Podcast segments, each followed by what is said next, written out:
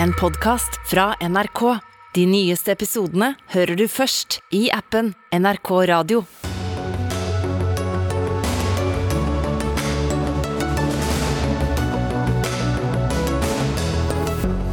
Beklagelse etter beklagelse etter beklagelse overfor Viggo Kristiansen, som sonet 21 år i fengsel uten at det finnes et eneste bevis for at han var involvert i Baneheia-drapene.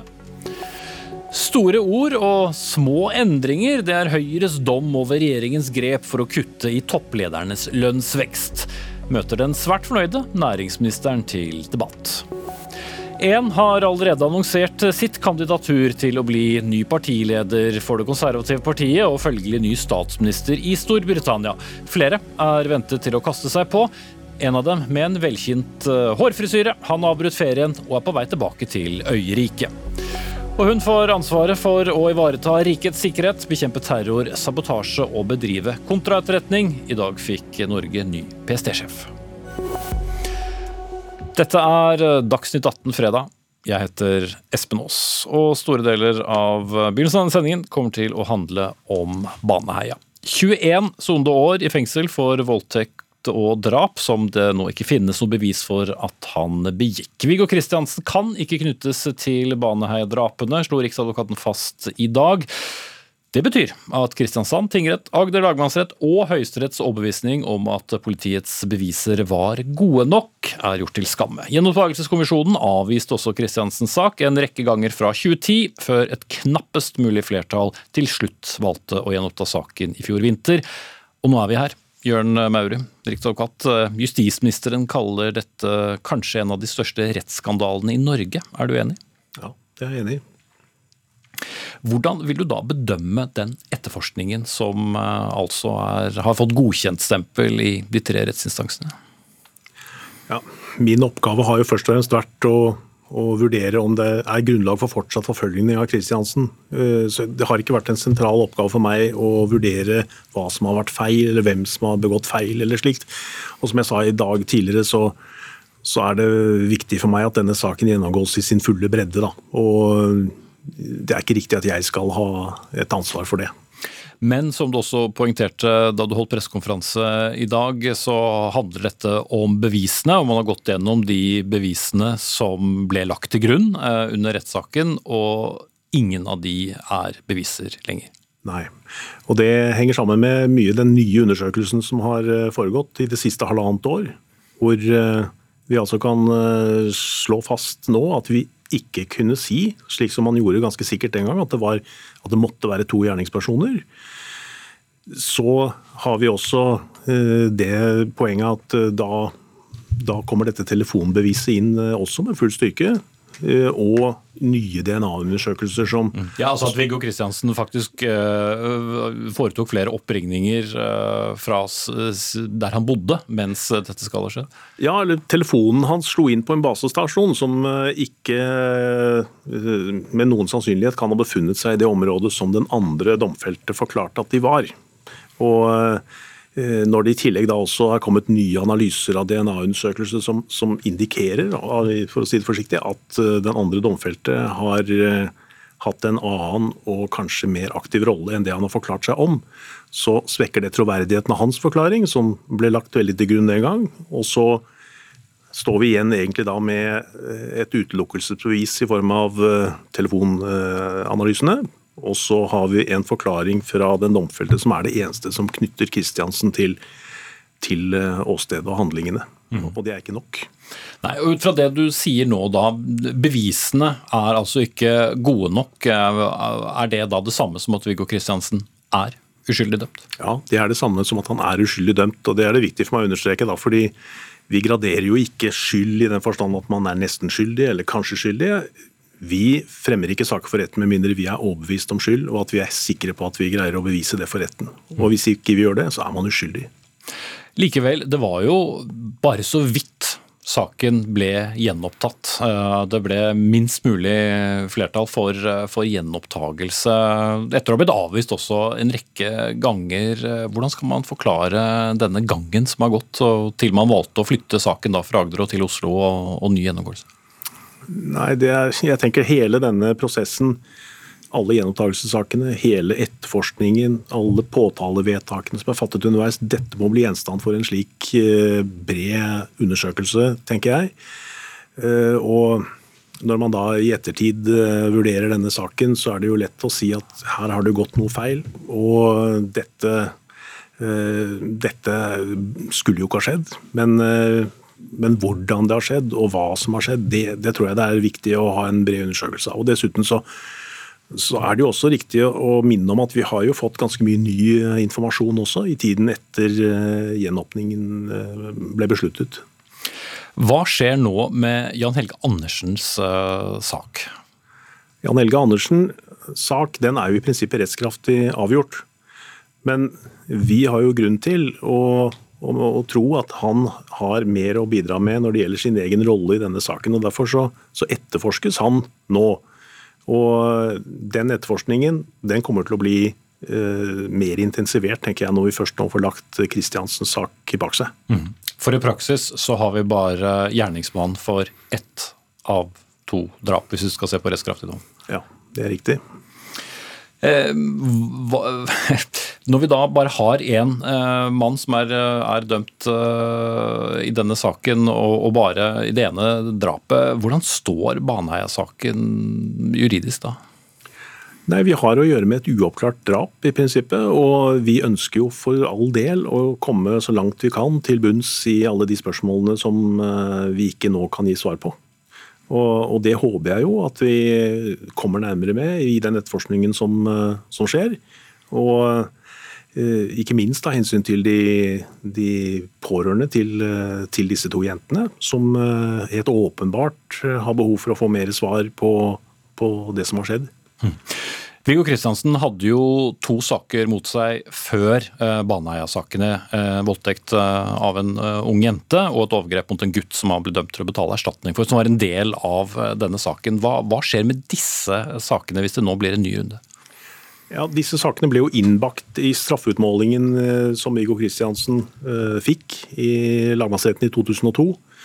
Så nå må det utmåles en ny straff, hvor man da fjerner de punktene som han eh, vil bli frifunnet for, og så utmåles en straff for de forholdene som han erkjente, og som han ble dømt for også.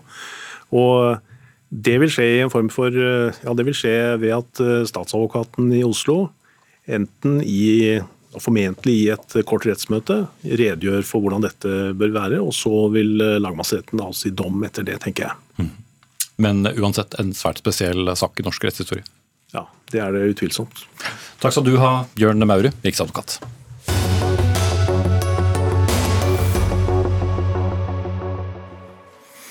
Da skal vi gå videre til deg, Audun Bekkstrøm, for du er bistandsadvokat for de etterlatte foreldrene. Og den saken som har vært med dem i to uh, tiår og vel så det, fikk da en ny uh, uh, aktualitet i dag. Hvordan har de det i dag?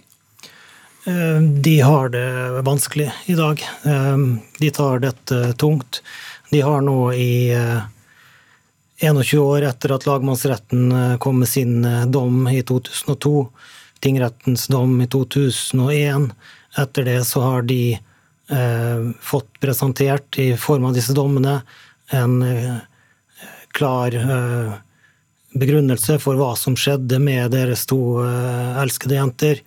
Eh, nå, 21 år etterpå, så sier Riksadvokaten at det de har blitt presentert, det de har trodd, det er ikke riktig.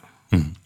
Ja, det finnes ingen beviser altså som knytter Viggo Kristiansen til uh, disse to uh, drapene. og Det betyr jo uh, også at det ikke finnes noen drapsmann med noen rettskraftig dom på, på Lena Sløgedal Paulsen. Den er da på en måte uoppklart. Hva, hva må skje videre her nå, mener du?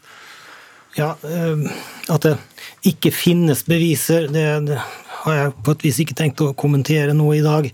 I dag eh, så er, har Riksadvokaten fastslått at Viggo Kristiansen skal frifinnes. og Da må man ta det til etterretning, og det er ikke dagen i dag for å begynne å gå detaljert gjennom bevisene. Men eh, Riksadvokatens redegjørelse kan jo ikke gi en fullstendig oversikt over de 10 000 sidene som ligger i denne saken.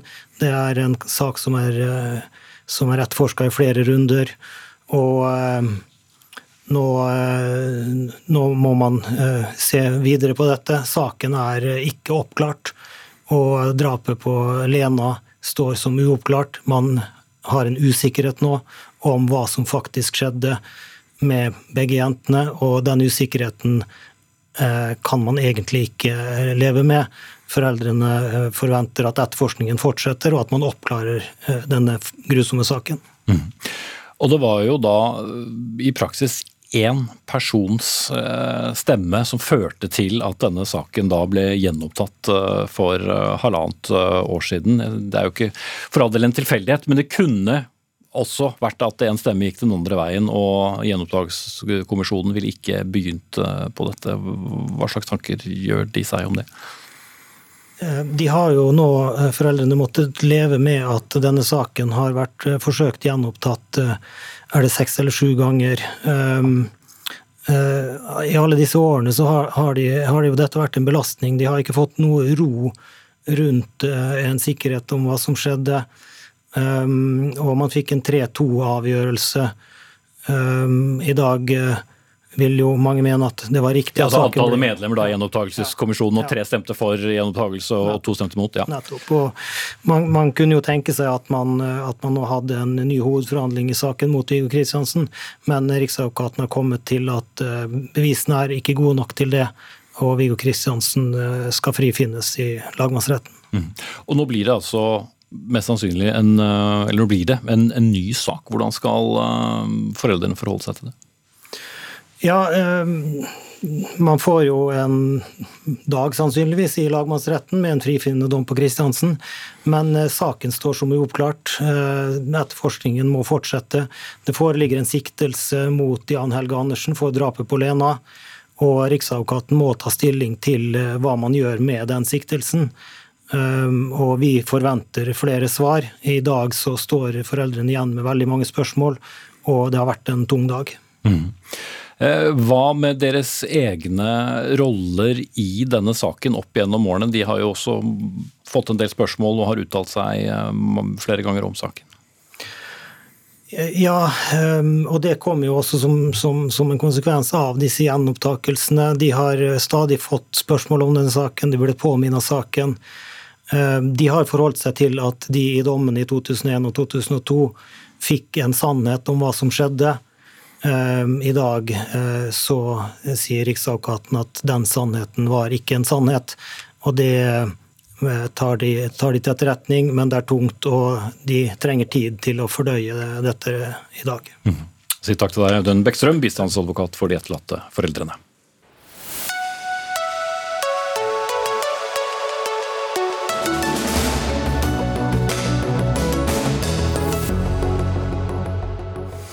Skal vi analysere denne saken eh, litt videre. Morten Holmboe, professor i politivitenskap ved Politihøgskolen. Eh, Riksadvokaten ønsker nå en uavhengig gransking av påtalemyndighetens håndtering av Baneheia-saken for å identifisere læringspunkter, som det heter så fint. Ut fra din eh, vurdering, hva burde vært gjort annerledes? Hvis man går helt tilbake til, til, 2000, så er det jo eh, mye som skulle vært gjort annerledes, eh, kan det se ut som. Men det er også verdt å merke seg at dette er jo eh, fjerde eller femte gang kommisjonen har behandlet disse sakene. Og, og, man kan jo spørre seg om man skulle gjort noe annerledes. Altså, For å starte med det som gikk veldig bra, var at man flyttet saken til Oslo politidistrikt og Oslo statsadvokatembeter etter gjentakskommisjonens avgjørelse. Mm. Og da ble det jo også litt mer trøkk i saken. For så sent som, så sent som høsten 2019 så argumenterte jo Agder statsadvokatembeter mot gjenåpning. Og jeg har stilt meg spørsmålet, Dette var faktisk ikke Riksadvokaten forpliktet til engang. Eh, men det var veldig fornuftig gjort. Men jeg har lurt litt på om man burde lage en regel om at det skulle flyttes. Og kanskje det hadde vært lurt å flytte den saken før kommisjonen traff sin avgjørelse. Mm. Ja, men for, fordi det er for nært på? Ja, altså vi er, vi er alle mennesker. altså I gamle dager så var det slik at en gjenåpning for retten så var det samme dommere som behandlet saken, for de kunne liksom saken så godt. og Det har man etter hvert skjønt ikke var så lurt. Og så har man flyttet det lenger og lenger vekk fra den dømmende rett, og nå er det en annen domstol. Man kunne tenke på samme måten vi er alle mennesker. og det er vanskelig når en selv eller kolleger har vært borti en tung, vanskelig sak, at det kanskje kan være lurt å flytte det helt, helt vekk, som man jo gjorde nå etter kommisjonens avgjørelse. Mm. Du jobber med strafferett, straffeprosess og politirettslige spørsmål. og Det er klart eh, det alle stilte spørsmål om i dag, er jo hvordan kunne de tre rettsinstansene alle eh, tro så blindt på bevisene som eh, politiet hadde, og også da Gjentakelseskommisjonen så mange ganger konkludere med det samme?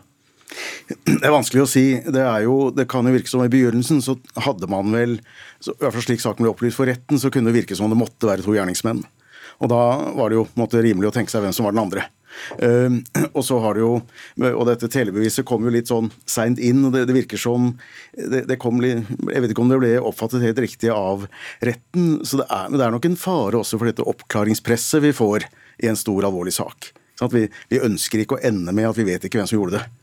Og da er det psykologisk vanskelig. Og, mm. liksom, så et slags krav i befolkningen om at det, det, det måtte, måtte, løses? Ja, altså vi har jo også på de mindre sakene har jo dette litt, etter min mening litt pussige begrepet oppklaringsprosent, altså som impliserer liksom at en uoppklart sak er en feil sak. Det kan jo være en veldig god etterforskning som ender med at man henlegger en sak fordi man ser at det ikke er, ikke er mulig å løse den. Mm. Viggo Kristiansen hadde jo også to tidligere saker mot seg som handlet om overgrep eh, mot eh, barn. Gjorde det han også i hermetegn til litt eh, den perfekte gjerningsmannen der det var en prosess hvor man ønsket å få løst eh, to drap som, som, sjokkerte Norge? Det var nok en kombinasjon av veldig mye, men det er klart at i en sånn situasjon hvor han ble pekt ut av bestekameraten sin, det var jo en, en del eh, ting som liksom pekte i den retningen, og så hadde man dette moduset, som vi kaller det, i tillegg. Så er det var nok mange uheldige omstendigheter som liksom la seg oppå hverandre. Mm. Olav Rønneberg, du er krimkommentator her i NRK, og du har skrevet om saken i dag og kaller det for Norges største justismord. Eh, det er jo vanskelig å gradere saker, men vi har jo noen å sammenligne med. Altså, hva gjør nettopp denne saken så alvorlig? Et av Norges største justismord tror jeg at jeg har eh, skrevet i dag. og Årsaken til det er jo at Viggo Kristiansen ble kastet i fengsel anklaget for eh, barnemord. Han ble pekt på som hovedmannen bak disse bestialske drapene i Baneheia. Han har tilbrakt, tilbrakt halve livet i fengsel. Eh, og eh, slik sett kan du jo si at, at, dagen i dag er en ganske mørk dag for rettsstaten, når Riksadvokaten er så tydelig på at bevisene ikke holdt. Viggo Kristiansen ble dømt på sviktende grunnlag, sier jo Riksadvokaten rett ut. og Da er det jo litt uforståelig hvordan dette kunne gå så galt. Men med all den tydeligheten fra Riksadvokaten i dag, så er det ikke noe tvil om at dette seiler opp som en av Norges aller største justisskandaler. Mm.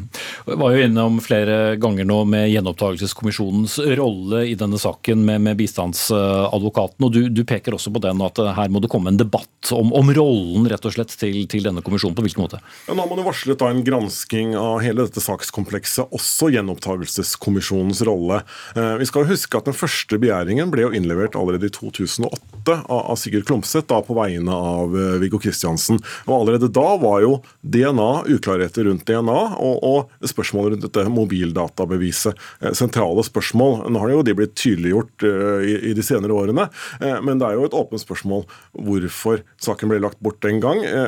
Kommisjonen ba ikke om noen ny etterforskning. De gjorde få nye egne undersøkelser den gang, ettersom jeg forstår. Og så er det jo da et tankekors da, at Viggo Kristiansen ble sittende inne 10-11 år til etter at saken ble lagt bort den gang. Mm.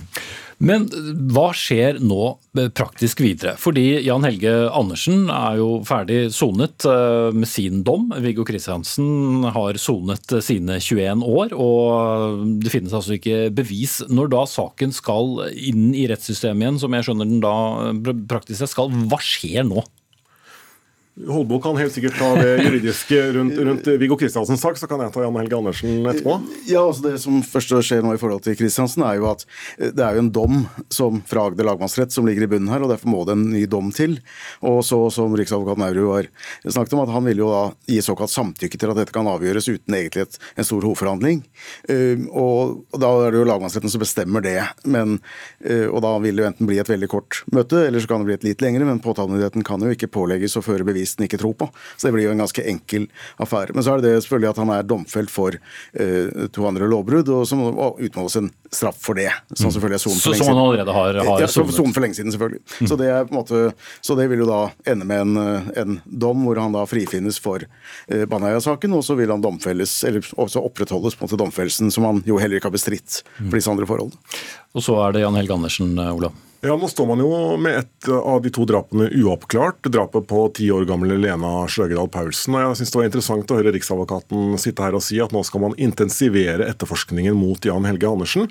Eh, og Den skal jo fortsette i regi av Oslo-politiet. Det er ingen tvil om at politiet i Oslo skal fortsette den etterforskningen. Eh, og Da vil det jo til syvende og sist bli opp til Riksadvokaten igjen om den saken skal sendes inn til Gjenopptakelseskommisjonen, eh, og da begjæres gjenopptatt til Andersens ugunst, som det heter. Men hvis påtalemyndigheten myndighetene skal gjøre det, så må de jo være sikre på Andersens skyld, eh, også i det andre drapet. De må være sikre på at Andersen var alene om drapene i Baneheia, og de må være sikre på at de kan bevise det.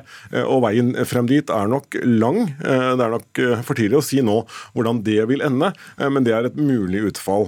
Det andre mulige utfallet er at man etterforsker saken for Andersens del, men at man mener at man ikke kommer i mål med det, og dermed så stanser saken der. Mm. Og denne saken som mange anså som et slags nasjonalt uh, traume den gangen den havnet uh, for retten, får Ja, den, den, den kommer tilbake. Den kommer tilbake. Vi får jo høre nå eh, Borgarting lagmannsrett har varslet en rask avgjørelse eh, rundt eh, spørsmålet Viggo Kristiansen og hva som skal foregå der. og Så får vi jo se på denne etterforskningen. Jeg tipper det vil ta tid, denne nye etterforskningen som vil fortsette mot Jan Helge Andersen. Kanskje vil man også kalle han inn til nye avhør. Kanskje vil man gjøre mer dedikerte etterforskningsskritt mot han. Han er jo siktet i saken. Det ble han fordi man tok i bruk skjulte tvangsmidler. Men det vil nok gå noe tid der. Og den vil da bli sendt fra politiet til statsadvokaten og videre til riksadvokaten så det vil ta en del tid før vi får høre noe om det. Mm. Olav Rønneberg, krimkommentator i NRK, og Morten Holmboe, professor i politivitenskap ved Politihøgskolen. Takk skal dere ha.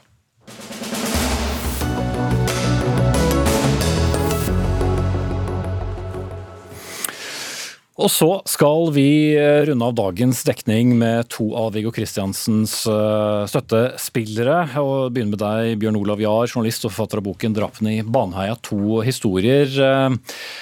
Eh, du har jobbet veldig mye med denne saken. Hvordan vurderte du den rene begrunnelsen som kom fra Riksadvokaten i dag eh, om konklusjonen om frifinnelse? For det var ganske rene ord. Ja, jeg syns det var utrolig gledelig. Altså, han sier at, eh, at, vi beklager på det sterkeste den urett Viggo Kristiansen og hans familie har, har mm, lidd under. Og, og eh, jeg synes det var utrolig godt, og jeg synes han resonnerte godt for hvorfor bevisene på ingen måte skulle holde mot Viggo Kristiansen selv den gangen. Eh, og, og, En veldig stor oppreisning, og jeg tror det er veldig bra at Riksadvokaten var så tydelig som det han var også.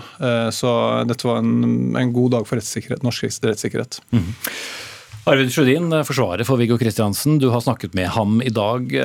Hvordan reagerte han på Riksadvokatens beskjed om å innstille på frifinnelse? Han eh, hadde jo venta det. Og så er det alltid sånn at når du har fått så mange nederlag, så er du allikevel litt skeptisk. Så at når han fikk vite hva som Riksadvokaten hadde sagt, og at han fikk vite at dette hadde gått veldig mye i hans fordel, så var han kjempefornøyd. Og det viste seg òg, jeg snakket òg med faren, som var veldig godt fornøyd med det som hadde skjedd i dag. Like fullt så får han aldri tilbake de 21 eh, årene, og saken kommer opp igjen. Hva, hva slags refleksjoner eh, gjør han seg over den tiden? Vi har ikke tenkt så mye over det, for det viktigste har vært å få vekk den anklagen som lå der. Sånn at nå må vi sette oss ned og begynne å tenke litt på fremtiden og hvilken måte man skal få tilbake disse tingene. Og Der er vi allerede begynt, fordi at Brynjar Meling og Bjørn André Gulstad og meg vi skal nå sette oss ned og så skal vi begynne på det arbeidet. Og Det er et møysommelig og voldsomt arbeid. Og Da skal vi se om vi ikke kan få noe tilbake, men alt går ikke an å få tilbake. Mye har vært sagt om de tre rettsinstansene som alle hørte på politiet og trodde på bevisene. Det samme med gjenopptakelseskommisjonen. Men eh, det har også vært mye snakk om pressen her. og Bjørn Olav eh, Jahr, eh, mange mente vel kanskje også at Viggo Kristiansen passet jo da perfekt om man trengte den andre av to syndebukker i, i, denne saken. Hvor stor rolle har pressen spilt, og dette har du vel også kjent litt på idet du begynte å, å jobbe med med det motsatte? Ja, altså jeg tenker at eh, Pressen var veldig raske til å forhåndsdømme Viggo Kristiansen, og de tok umiddelbart politiets narrativ, altså politiet og Jan Helges narrativ. De stilte ingen kritiske spørsmål. Viggo Kristiansens historie har jo vært ganske enkel hele tiden. Han reiser opp til bu, han, reiser, han låser nøkkelen sin ut av bua, han reiser opp til Baneheia og får tak i Jan Helge, får nøkkelen sin og reiser hjem. Men bevisene i saken støtter opp om Viggo Kristiansens historie, det har de alltid gjort. Allikevel så har han ikke blitt hørt. Eh, så, så den, den forhåndsdømmingen og den forutinntattheten og det tunnelsynet man utviklet der tidlig, det var veldig, veldig rart. og at ikke noen i pressen, altså én da, Eivind Pedersen fra Dagbladet som reagerte, men ellers så var det ingen andre som gjorde det. Og det, Enda verre var det egentlig da man begynte å jobbe med gjenopptakelsesbegjæringene, hvor, hvor, det var kraftig motstand fra pressen, hvor man skrev 'slutt å fråtse i bedervet advokatmat' og 'nok er nok' og, og 'grusomt og grenseløst', kalte man, kalte man den prosessen man der satte i gang. Eh, og, og, da hadde man jo på, og Det var på et tidspunkt hvor, hvor faktisk eh, forsvarerholdet til Viggo Kristiansen hadde torpedert dette med at det var sikre bevis for to gjerningsmenn, men likevel så, så bare fortsatte pressen å, å, male på eh, han som et monster. Eh, og Viggo Kristiansen han var jo Norges mest forhatte mann inntil Anders Breivik dukket opp. og det, det, den, sitter, den, ser ut til å ha sittet godt igjen i, hos mange pressefolk helt frem til i dag. Mm. Ja, og Sjødin han hadde jo den forhistorien med de to foregående sakene, som jo også ble en del av da, straffeutmålingen, og som dukket opp igjen hvor mye spilte det inn i eh, at han ble den eh, perfekte gjerningsmann? Nei, altså, det tør jeg ikke si. Altså, Jeg tør ikke spekulere i akkurat de Men han var en person som det var Når politiet i forutinntatt og så går mot ham, så, så, er det ikke lett å komme vekk, og så lenge pressen er med på det. Mm. Men jeg vil bare si det at pressen snudde på et tidspunkt. Og da var de mer med. Og i den siste tiden så har de stilt mange kritiske, viktige spørsmål som har pågått.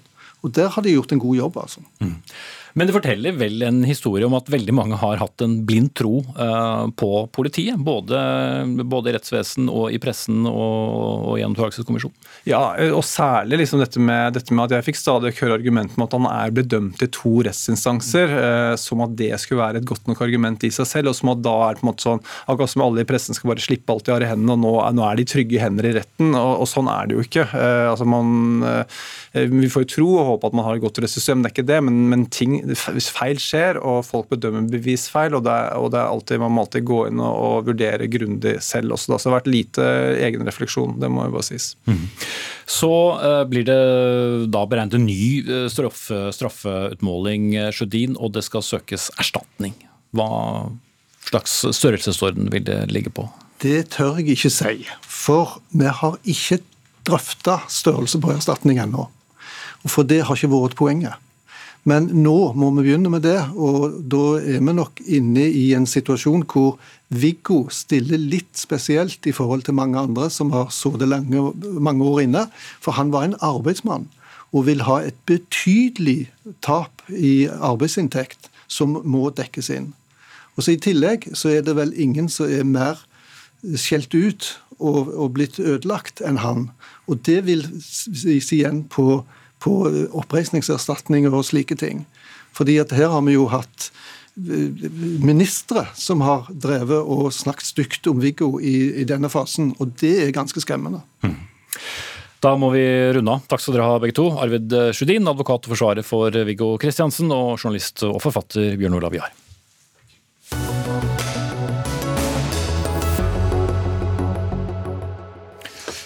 Nå skal vi ha et uh, solid uh, temaskifte i Dagsnytt 18. For i dag la regjeringen frem sin uh, eierskapsmelding, og oppmerksomheten den kom allerede ja, omtrent på dette tidspunkt i går rundt næringsminister Jan Christian Vestre for grepet han varslet han skulle ta med lederlønningene i statlig eide selskaper. Ingen toppleder skal ha større lønnsvekst enn de ansatte, og ikke i prosent, men i kroner og øre. Hvorfor akkurat denne innretningen, eh, Vestre? Jo, Det er fordi vi ønsker å dempe veksten i lederlønningen, og vi ønsker på sikt å bidra til mindre lønnsforskjeller. Så det vi nå innfører er et nytt prinsipp der eh, styret må begrunne særskilt for generalforsamlingen dersom en eh, går utover disse rammene. Og det sammen med halvering av maksimal bonus fra 50 til 25% tror vi vil bidra til en eh, effektiv demping av lønnsveksten, som mange har prata om i mange år, og nå gjør vi noe med det. Ja, ikke bare demping av lønnsveksten, men hvis det settes inn i praksis, så blir det jo over tid en ganske solid lønnsnedgang? Da, ja, Det kan det være i enkelte år, hvis det ikke er en eh, god begrunnelse for at en eh, behøver eh, lønnsvekst og allerede tjener godt over 10 millioner kroner og har gode rammebetingelser, så mener jeg det bare er rett og rimelig at vi innfører en sånn begrunnelsesplikt. Og så er det fortsatt styrene som skal forhandle med sine ansatte. Selskapene skal selvfølgelig være konkurransedyktige, men de skal ikke være lønnsledende, og de må utvise moderasjon. Og nå strammer vi til. Dette var akkurat det vi sa før valget, og nå gjennomfører vi den politikken vi har lovet velgerne, og som jeg tror veldig mange vil slutte seg bak, fordi forskjellene i Norge er i ferd med å bli for store.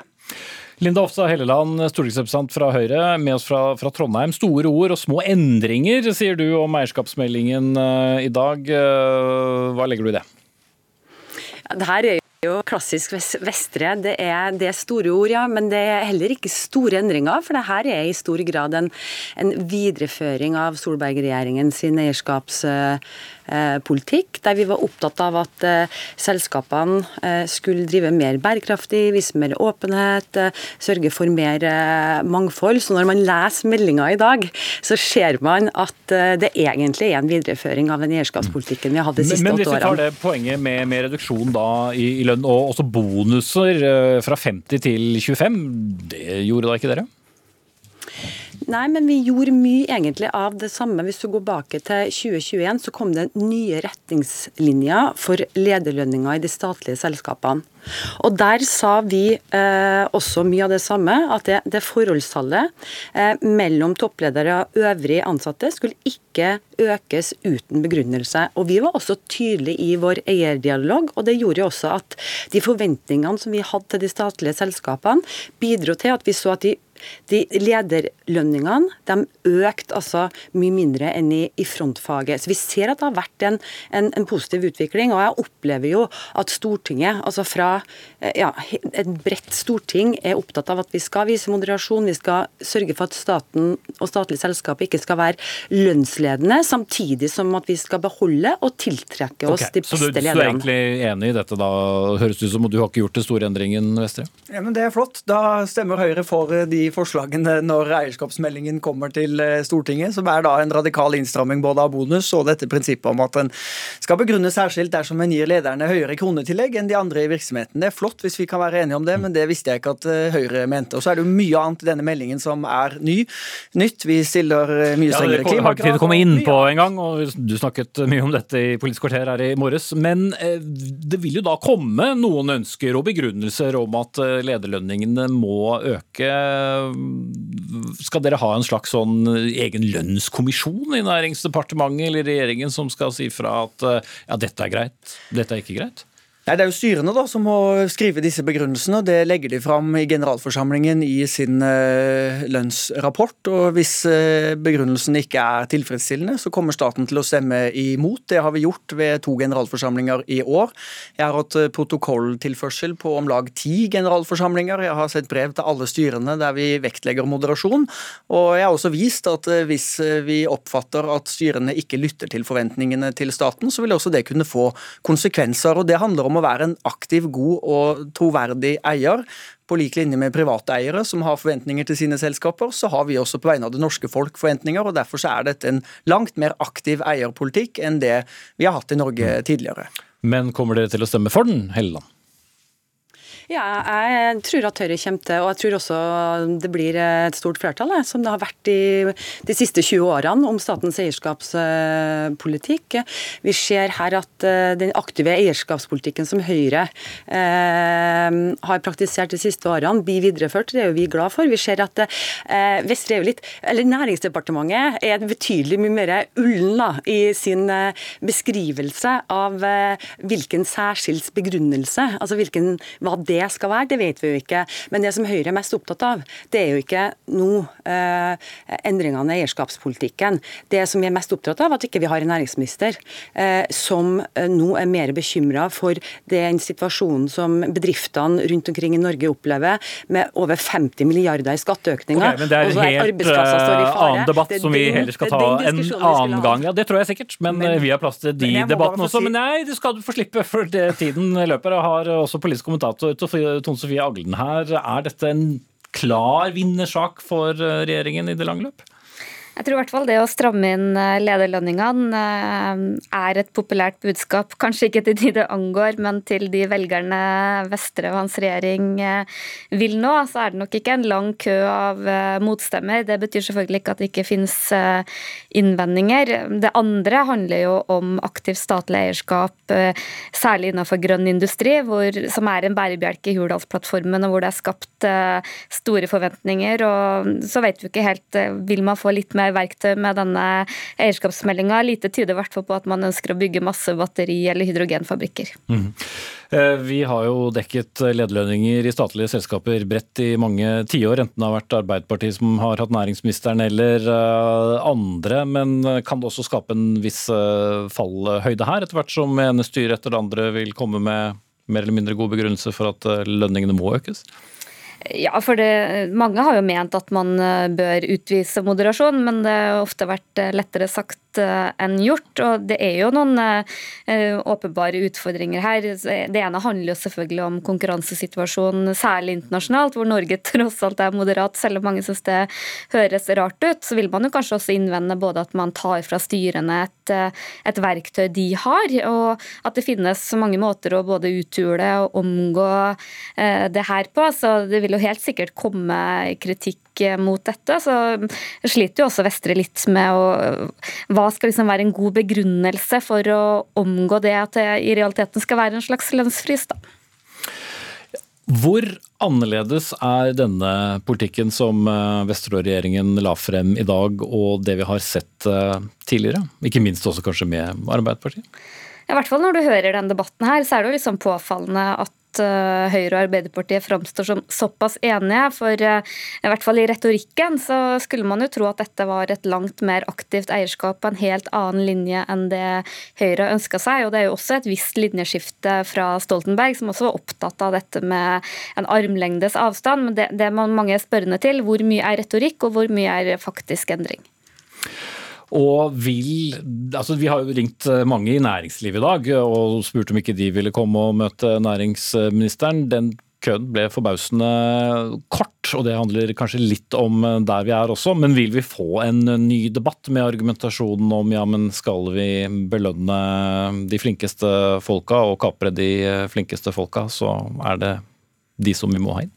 Jeg tror vel kanskje at de som vil uh, forsvare de høyeste lønningene, da, den uh, rekka er vel ganske kort i offentligheten. Men jeg tror kanskje en mer reell innvending går på uh, noen av selskapene. Man ser gjerne på de med 17 millioner og de absolutt toppene, men så har du mange statlige selskap hvor det er en helt annen moderasjon, helseforetak og andre hvor man kanskje vil si at man har utvist moderasjon, og jeg tror kanskje det her vil utløse en kanskje større debatt. da. Mm.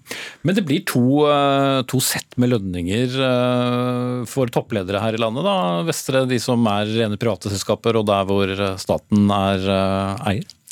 Nei, det blir det ikke. Det er sånn at hver enkelt forhandler lønn med sin arbeidsgiver, og ulike selskaper har ulik lønnspolicy. Og de statlige eh, selskapene har sin lønnspolicy, og, og, her er det en moderasjonslinje som eh, det legges eh, opp til. Men Så må jeg bare si at Det er jo mange andre ting som er nytt i denne meldingen. Vi det vet jeg du er opptatt av. Nei, men jeg må få si det, det er et linjeskifte. Men det må ingenting, det er jeg som bestemmer det. Tar, sier altså at det er ikke lenger et mål å redusere det statlige eierskapet, som to av Høyre sine forrige meldinger har slått fast. Det er helt okay. nytt, og det er et linjeskifte. Eh, hvis vi skulle fortsatt dette, så måtte jeg eh, bedt noen av mine andre gjester om ikke å komme inn den døren, så jeg vil la være det. Så skal jeg heller vise dere døren. Eh, Vestre, næringsminister fra Arbeiderpartiet, Jan Kristian til fornavn. Tone Sofie Aglen, politisk kommentator i NRK, med oss fra Trondheim, Linda Hofstad Helleland fra Høyre.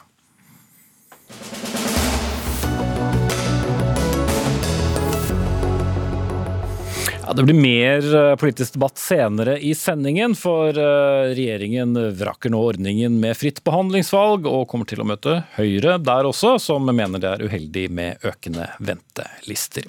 Men nå, hun får ansvaret for å ivareta rikets sikkerhet, bekjempe terror, sabotasje og bedrive kontraetterretning, blant annet, og det i en tid der trusselen fra øst betegnes som eh, større enn siden den kalde krigens dager. Og Beate Gangås, i dag politimester i Oslo, nå på påtroppende eh, PST-sjef.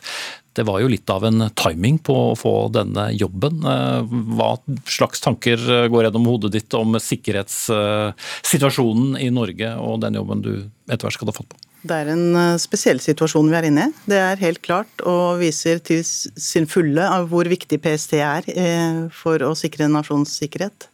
Eh, jeg eh, ser fram til å starte opp. Timingen kunne vært annerledes. Jeg har veldig viktige oppgaver i Oslo politidistrikt også. Eh, men jeg tror at jeg har en erfaring og en bredde i min ledergjerning som kan komme godt med. Mm -hmm. Du har jo hatt forskjellige roller da i, i politiet siden i hvert fall tidlig 90-tall, så jeg i dag. Men det er eh, da også på det tidspunktet hvor den kalde krigen eh, endte, muren ble revet og sikkerhetssituasjonen har vært annet. Man har vært opptatt av, av terror, nå er det krig eh, i Europa. Må du ta nye grep når du skal lede PST? PST er en eh, kunnskapsbedrift. Det er veldig mange kompetente folk der. Jeg husker veldig godt eh, når jeg jobba i Vest-Finnmark, eh, effekten av det som hadde skjedd i, i årene før. Og vi ser hele tiden at trusselbildet endrer seg en uh, sikkerhetsorganisasjon er nødt til å ta hensyn til uh, den til enhver tid gjeldende situasjon. Så nå er det spesielt, og jeg vil jo si at uh, man vil oppleve at det er spesielt hele tiden, fordi at truslene forandrer seg, og vi er nødt til å følge med i tiden. Mm. Og eh, som politimester i Oslo, en by som har opplevd eh, terrorhandling, masseskyting i det vi må kalle i hvert fall vår relativt eh, nære fortid. Og så kommer dette nye trusselbildet fra øst på toppen av dette. Hva vil det gjøre med den organisasjonen du skal lede? Ja, Det vil jo bety at folk må bruke alt de har av både kompetanse og virkemidler for å bidra til at vi både kan innhente god informasjon, sånn at politikere kan få beslutningsstøtte, at politiet kan få iverksatt de tiltak som er viktige, at vi også får brukt de eh, virkemidlene som finnes innenfor etterforskning og påtale. Så vi må bruke hele bredden av virkemidler. Mm.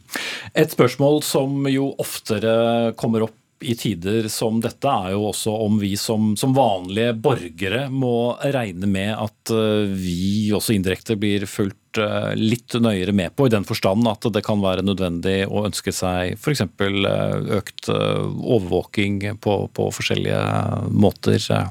Er det noe vi bare må regne med? Jeg er opptatt av at PST skal holde seg innenfor de rammene som man har. Eh, det gjør de, og det følges det veldig godt med på, og det skal vi fortsette å gjøre. Så eh, en eh, etterretningsorganisasjon må hele tiden forholde seg til de rammene som et demokratisk samfunn setter, og jeg tenker at folk skal føle seg trygge. Mm. Men samtidig så kan jo du også be politikere om utvidede fullmakter med den begrunnelse om at trusselbildet har endret seg? Ja, dersom det skulle være noe som er helt åpenbart, så vil vi jo ta opp det på ordinært vis med departementet. men det finnes en rekke muligheter nå som vi har, og det er de vi skal eh, konsentrere oss om å bruke fullt ut. Mm. Av de eh, tingene du har gjort tidligere, du har jo jobbet med hatkriminalitet, menneskehandel, rasisme også i, i, din nære fortid. Hva er det viktigste du tar med deg inn i jobben som PST-sjef? Jeg tar med meg hele bredden. Og det viser jo også at det er noen sammenhenger her som jeg tenker at det kan være nyttig å ha med seg.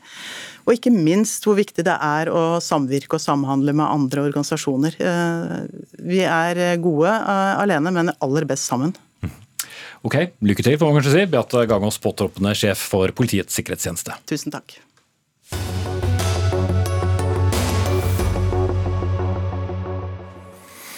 I Storbritannia annonserte i ettermiddag de konservatives parlamentariske leder Penny Mordent at hun stiller som ny lederkandidat etter at eh, statsminister Liz Truss i går måtte trekke seg etter hele 44 dager i jobben. Men Mordent blir neppe alene om å ønske seg lederjobben. Boris Johnson, som jo flyttet ut av Downing Street nummer 10 eller 11 for seks uker siden, har avbrutt sin ferie og er på vei hjem fra Den dominikanske republikk. Han trenger støtte fra minst 100 konservative parlamentsmedlemmer for uh, å starte kampen om å eventuelt få tilbake jobben sin. Gry Blekastad Almås, selv om han ikke har lansert sitt kandidatur, så har han allerede fått støtte av forsvarsminister Ben Wallace, som mange trodde kanskje også ville kjempe om dette vervet. Men hvorfor skal partiet ønske å ta tilbake en leder som måtte gå av fordi han ikke snakket sant? Det som spør seg hvordan det er mulig, hvis det er mulig, at en statsminister som gikk av for seks og en halv uke siden, plutselig kan komme tilbake igjen i den samme posten. Eh, særlig fordi han gikk av eh, etter det kaoset og bråket og løgner og løftebrudd som han jo gjorde. Men for partiet så eh, er det ikke sikkert at Boris Johnson er dårlig nytt. Det vil si, deler av partiet syns jo det, men deler av partiet innser også at han er en veldig god stemmesanker, rett og slett. Eh, og at han kan være en som kan redde et parti som nå virkelig ligger med brukket rygg, med meningsmålinger som eh, viser at hvis det hadde vært valg nå, så hadde de ikke fått noen parlamentarikere. altså De hadde ikke fått noen politikere inn i parlamentet. Så dårlig er målingene for det konservative partiet akkurat nå. Og da trenger de en som eh, kan fri til velgerne, og det har Boris Johnson vist at han kan før. Britiske aviser eh, er jo tapetsert med, med, bilder av mulige lederkandidater. Flest bilder riktignok av, av Boris Johnson. Penny Mordent er den eneste som har kastet uh, inn uh, sin hatt i, i, ringen nå. Men hvem er det vi ser for oss kommer til å, å kjempe om uh, dette ledervervet? Ja, Vi har nevnt eh, to nå, da, Penny Mordent og Boris Johnson. Og så er det Rishi Sunak som er den tredje, som uh, man nå tror blir de tre da, som kommer til å konkurrere om uh, dette vervet. Og Rishi Sunak er jo mannen som tapte for Liz Truss sist, tidligere finansminister under Boris Johnson, men som var da uh, en av de som trakk seg helt i de siste dagene under Boris Johnson, og som på, på en måte da forårsaket at han da til slutt ga seg. Og Rishi Sunak skal være Eh, klar til å stille. Han har heller ikke bekreftet sitt kandidatur, men eh, han leder nå, eh, når man teller opp hvor mange konservative politikere som støtter hver av disse tre, så er det Rishi Sunak som har flest stemmer foreløpig. De må jo få flere enn 100 parlamentarikere som støtter hver av dem, for i det hele tatt å være aktuelle i, dette spørsmålet. Og først på mandag vet vi om noen av dem, eller hvor mange av dem da, som har, eh, har fått så mange nominasjoner. Og I teorien så kan da allerede en, en vinner uh, skimtes ut fra hvor mange som, som, stiller seg bak, men uh, det blir vel fort ikke sånn, fordi det er forskjellige meninger innad i partiet om hvem som er den rette kvinne eller mann til å lede partiet videre. Hvor skarpe fronter er det internt i partiet? Veldig eh, skarpe fronter. Og, Boris Johnson er jo en som har vist at han kan å splitte dette partiet tidligere. Og uh, Det er jo uh, flere parlamentarikere nå som har gått ut og sagt at hvis Boris Johnson kommer tilbake, så, så kan vi bare legge ned. og Det er jo selvfølgelig de som, som tilhører da, den andre leiren, for å si det sånn. Penny Mordaunt er vel den som ses på som den største sånn samlende kandidaten av, av disse tre. Men det blir jo uansett en formidabel oppgave oppgave for den som får den jobben, å samle partiet og bygge opp igjen troverdigheten til dette partiet. Eh, og gjøre partiet valgbart igjen fram eh, mot neste valg. Og selvfølgelig å ta fatt i alle de ekstreme problemene som briter flest har nå med å betale regningene sine når prisene skyter i været og, og rentene øker. Ja, for det underliggende er jo denne både energikrisen og denne inflasjonskrisen, hvor prisene altså øker mer enn på mange tiår, eh, Gry. Hvor mye plass får den underliggende krisen midt oppi en ny eh, lederrunde i Det konservative partiet? Den har fått mye plass i, i avisene, hvis du, hvis du, tenker på, på dem. Eh, I hvert fall fram mot eh, gårsdagen. Det er klart at Akkurat uh, disse dagene nå så er det dramatikken rundt Liz Truss eh, avskjed, og da spenningen og kampen om hvem som blir ny statsminister som kanskje dominerer. Men, men det er et tydelig bakteppe for det som skjer, og, og også noe som gjorde at Liz Truss fikk den skjebnen hun fikk, da, som historiens kortest sittende britiske statsminister etter nettopp det at så mange briter nå sliter med økonomien.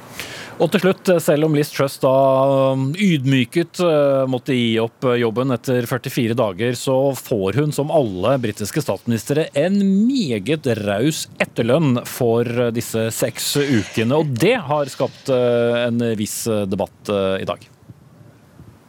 Ja, 1,4 millioner kroner da, i, i, året eh, er maksbeløp som man kan eh, be om å ta ut, som skal dekke kostnader man har, fordi at man som tidligere statsminister gjerne har offisielle oppdrag fremdeles. Eh, men, og det er vanlig at tidligere statsminister tar ut deler eller hele denne summen. Men opposisjonen, fagforeninger, det er mange som nå reagerer sterkt på at en statsminister som da har sittet i, i seks uker, skal kunne få en sånn lønn resten resten av livet. Så vi får se da, hva hun velger å gjøre selv. Takk skal du ha, Gry Blekastad Almås med oss fra London.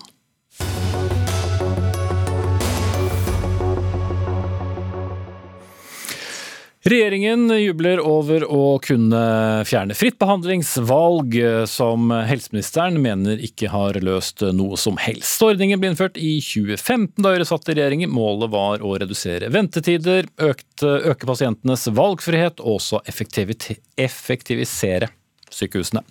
Forslaget om å vrakke ordningen eh, kommer sannsynligvis til å få et eh, flertall, men eh, du er ikke noe mer begeistret av den grunn, Tone Trøen, leder av helse- og omsorgskomiteen fra Høyre. Nei, vi har jo visst, dessverre, at denne regjeringen kommer til å fjerne fritt behandlingsvalg, og at de antageligvis har støtte for det av SV i Stortinget. Det som er usigelig trist, er jo både argumentasjonen for å fjerne det. Fritt behandlingsvalg har hatt veldig god effekt. Den har eh, medført eh, kortere ventetider for de pasientene som kan velge det, og ikke minst et mye større mangfold og mye større valgfrihet for pasienter. Kanskje særlig viktigst for rus og, og de som sliter med psykiske lidelser. Men, men det, det store bildet, hvor mye kortere er egentlig ventetiden blitt? Ja, altså, problemet er jo at nå øker ventetidene. og Det er jo det som er litt sånn paradoksalt. At eh, helseministeren legger fram denne, denne, saken. Eh, en historisk svekkelse av pasientrettigheter på en dag hvor vi får beskjed om at ventetidene nå øker. Og Det er altså eh, ganske utrolig når man har så mange behandlingsplasser, særlig i rus og psykisk helse, som okay. vi ikke har noen garanti for at sykehusene står klare til å overta og kunne, kunne drifte fra, fra 1.1. Cecilie Myrseth fra Arbeiderpartiet, du er første nestleder i samme komité, helse- og omsorgskomiteen på, på Stortinget. Altså, hva slags konsekvenser gir dette for pasienter? Nei, det dette gjør, eh, og grunnen til at vi syns det er en bra dag, det handler jo om at eh, nå kan eh, vårt offentlige helsevesen faktisk bruke de pengene som de får på å gi god pasientbehandling der, i stedet for å ha en usikkerhet på om de må dele på dem med private aktører som gjennom Høyre sin privatiseringsreform, som jo ikke har gitt noen av de effektene som Tone Treen her snakker om. Eh, nå eh, skal man bruke de pengene eh, på, på det offentlige, og det trenger vi i den tida som vi er i. Vi må bruke helsepengene våre og helsepersonell riktig, og det har vi ikke gjort i som, den tida som vi har bak oss. Men Tone Trøen, hvordan kan dette både ha gitt effekt og ikke effekt? Det er helt åpenbart at det har gitt effekt. Altså, vi, de private aktørene da, som Cecilie Myrseth her snakker om, det er Vangseter, det er Modum Bad, det er eh, Barnas rehabiliteringssenter i Bergen. Eh, det er mange eh, lokale hjertespesialister som sørger for rask utredning av mennesker med, med lidelser som de er henvist til behandling for. Sånn at fritt behandlingsvalg er offentlig helsetjeneste.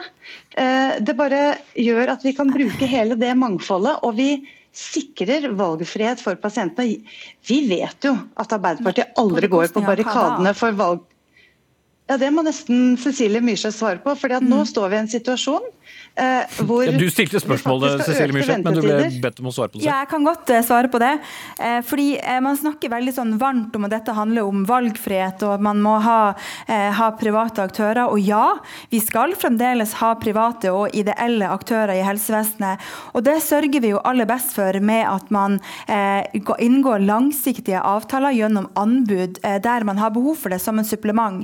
Men det denne ordninga har vært, har vært en fri etableringsrett for private private aktører på bekostning av det offentlige, eh, som det offentlige har betalt for. Det er ikke riktig pengebruk i det hele tatt. Og ikke gir det bedre pasientbehandling, ikke gjør det bedre kvalitet, ikke har man fått ned ventelisten. Så det vi gjør nå, det er jo fornuftig bruk av pengene. Sørge for at de pengene vi ønsker å bruke på våre eh, offentlige eh, felles sykehus og felles helsetjeneste, faktisk går eh, til det. Så skal vi ha private, private aktører som gir et uh, supplement, men der det er behov. Vi kan ikke drive butikk og marked på den måten som Høyre har lagt opp til over lang tid. Jeg, syns det er ganske uhyrlig å snakke om uh, så dyktige aktører på denne måten. Det, det må jo være sånn Snakk om systemet, Tone.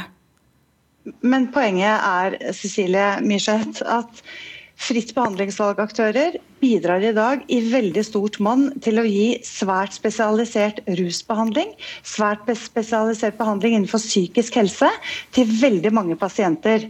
Eh, det disse pasientene sier, som jeg håper du også kan snakke litt mer med, det er at de har vært så glad for denne valgfriheten, denne muligheten til å kunne få lov å velge behandling noe friere, enn at det bare er det offentlige som de offentlige behandlerne. Det som er problemet nå, det aller, aller største problemet, er at veldig mange av disse eh, pasientene nå ikke får velge lenger så fritt. Eh, og du må vel erkjenne at offentlig betalt fritt behandlingsvalg er en offentlig helsetjeneste. Dette er pasienter som kanskje tidligere ikke ville fått behandling f.eks. på Vangseter, men som måtte bruke Nei, av men, arv eller det som, penger de hadde spart det som, det som er poenget, er at vi skal sikre at man får eh, god pasientbehandling uansett hvor du bor, og hvem du er, og hvor mye penger du har. Det er en offentlig oppgave, og den skal du få når du trenger den. Og det å styrke rus, rus og psykiatribehandlinga, det er en kjempeviktig oppgave for, eh, for regjeringa som eh, jeg representerer. Eh, det var jo ikke så prioritert i den forrige perioden perioden, det har jo vært ganske klart slått fast, ikke minst av Riksrevisjonen.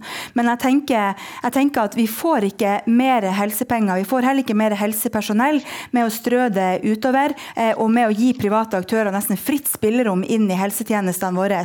Så det her er en utrolig viktig eh, ordning som vi nå, eh, vedtak som vi nå gjør. Og det at vi får flertall for det i Stortinget, det er jeg også ganske så sikker, men, men, sikker på. Men her, her, er det jo stor ideologisk forskjell mellom dere to to, som vi vet godt eh, fra før. Men hva kommer i stedet da, Cecilie Myrseth? Disse pengene skal nå brukes i spesialisthelsetjenesten. Ta f.eks. Sykehuset Telemark, som i, fjor eh, mista eh, vel 70 millioner, om jeg ikke tar feil, eh, som gikk til private aktører, som betyr å få mindre helhetlig eh, helsebehandling og tilbud i de offentlige sykehusene i, eh, i, Telemark. De skal nå brukes der for å sikre at de pasientene som også har fått behandling eh, under den ordninga som har vært, skal få godt tilbud og god behandling også gjennom både private og og eh, de offentlige aktørene som nå skal sam, eh, samsnakke og samarbeide eh, mye bedre uten denne frie etableringsretten som nå blir fjerna. Hvorfor skal ikke det kunne fungere, Tone Trøen? Ja, nå er det en forsvinnende liten andel av sykehusenes budsjetter som går til å dekke refusjoner i fritt behandlingsvalg. 0,3% av sykehusenes ja, Det er 0,3% i 2021 av sykehusenes totale budsjetter.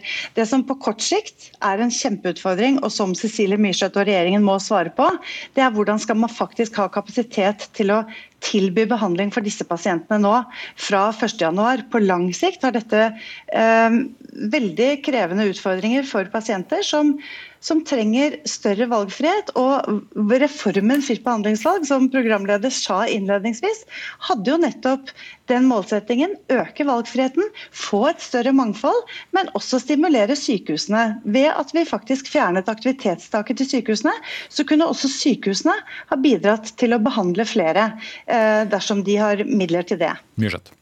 Jeg tenker at Det aller viktigste vi kan sørge for, er jo at eh, alle pasienter får den behandlinga de trenger, når de trenger det. Og pasienter er jo ulike, like ulike som, som alle, alle, andre, eh, og trenger, har ulike behov også, også i sine, sine, liv.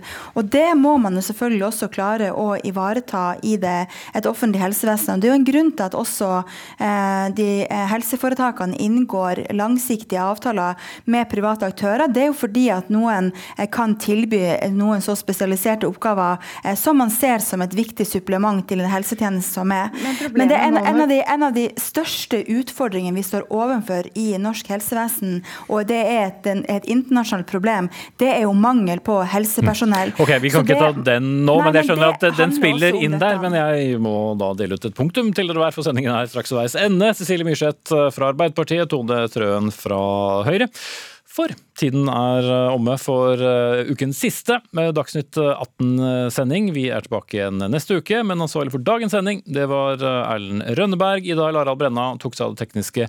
Jeg heter Espen Aas, og vi forsøker oss å ønske god helg.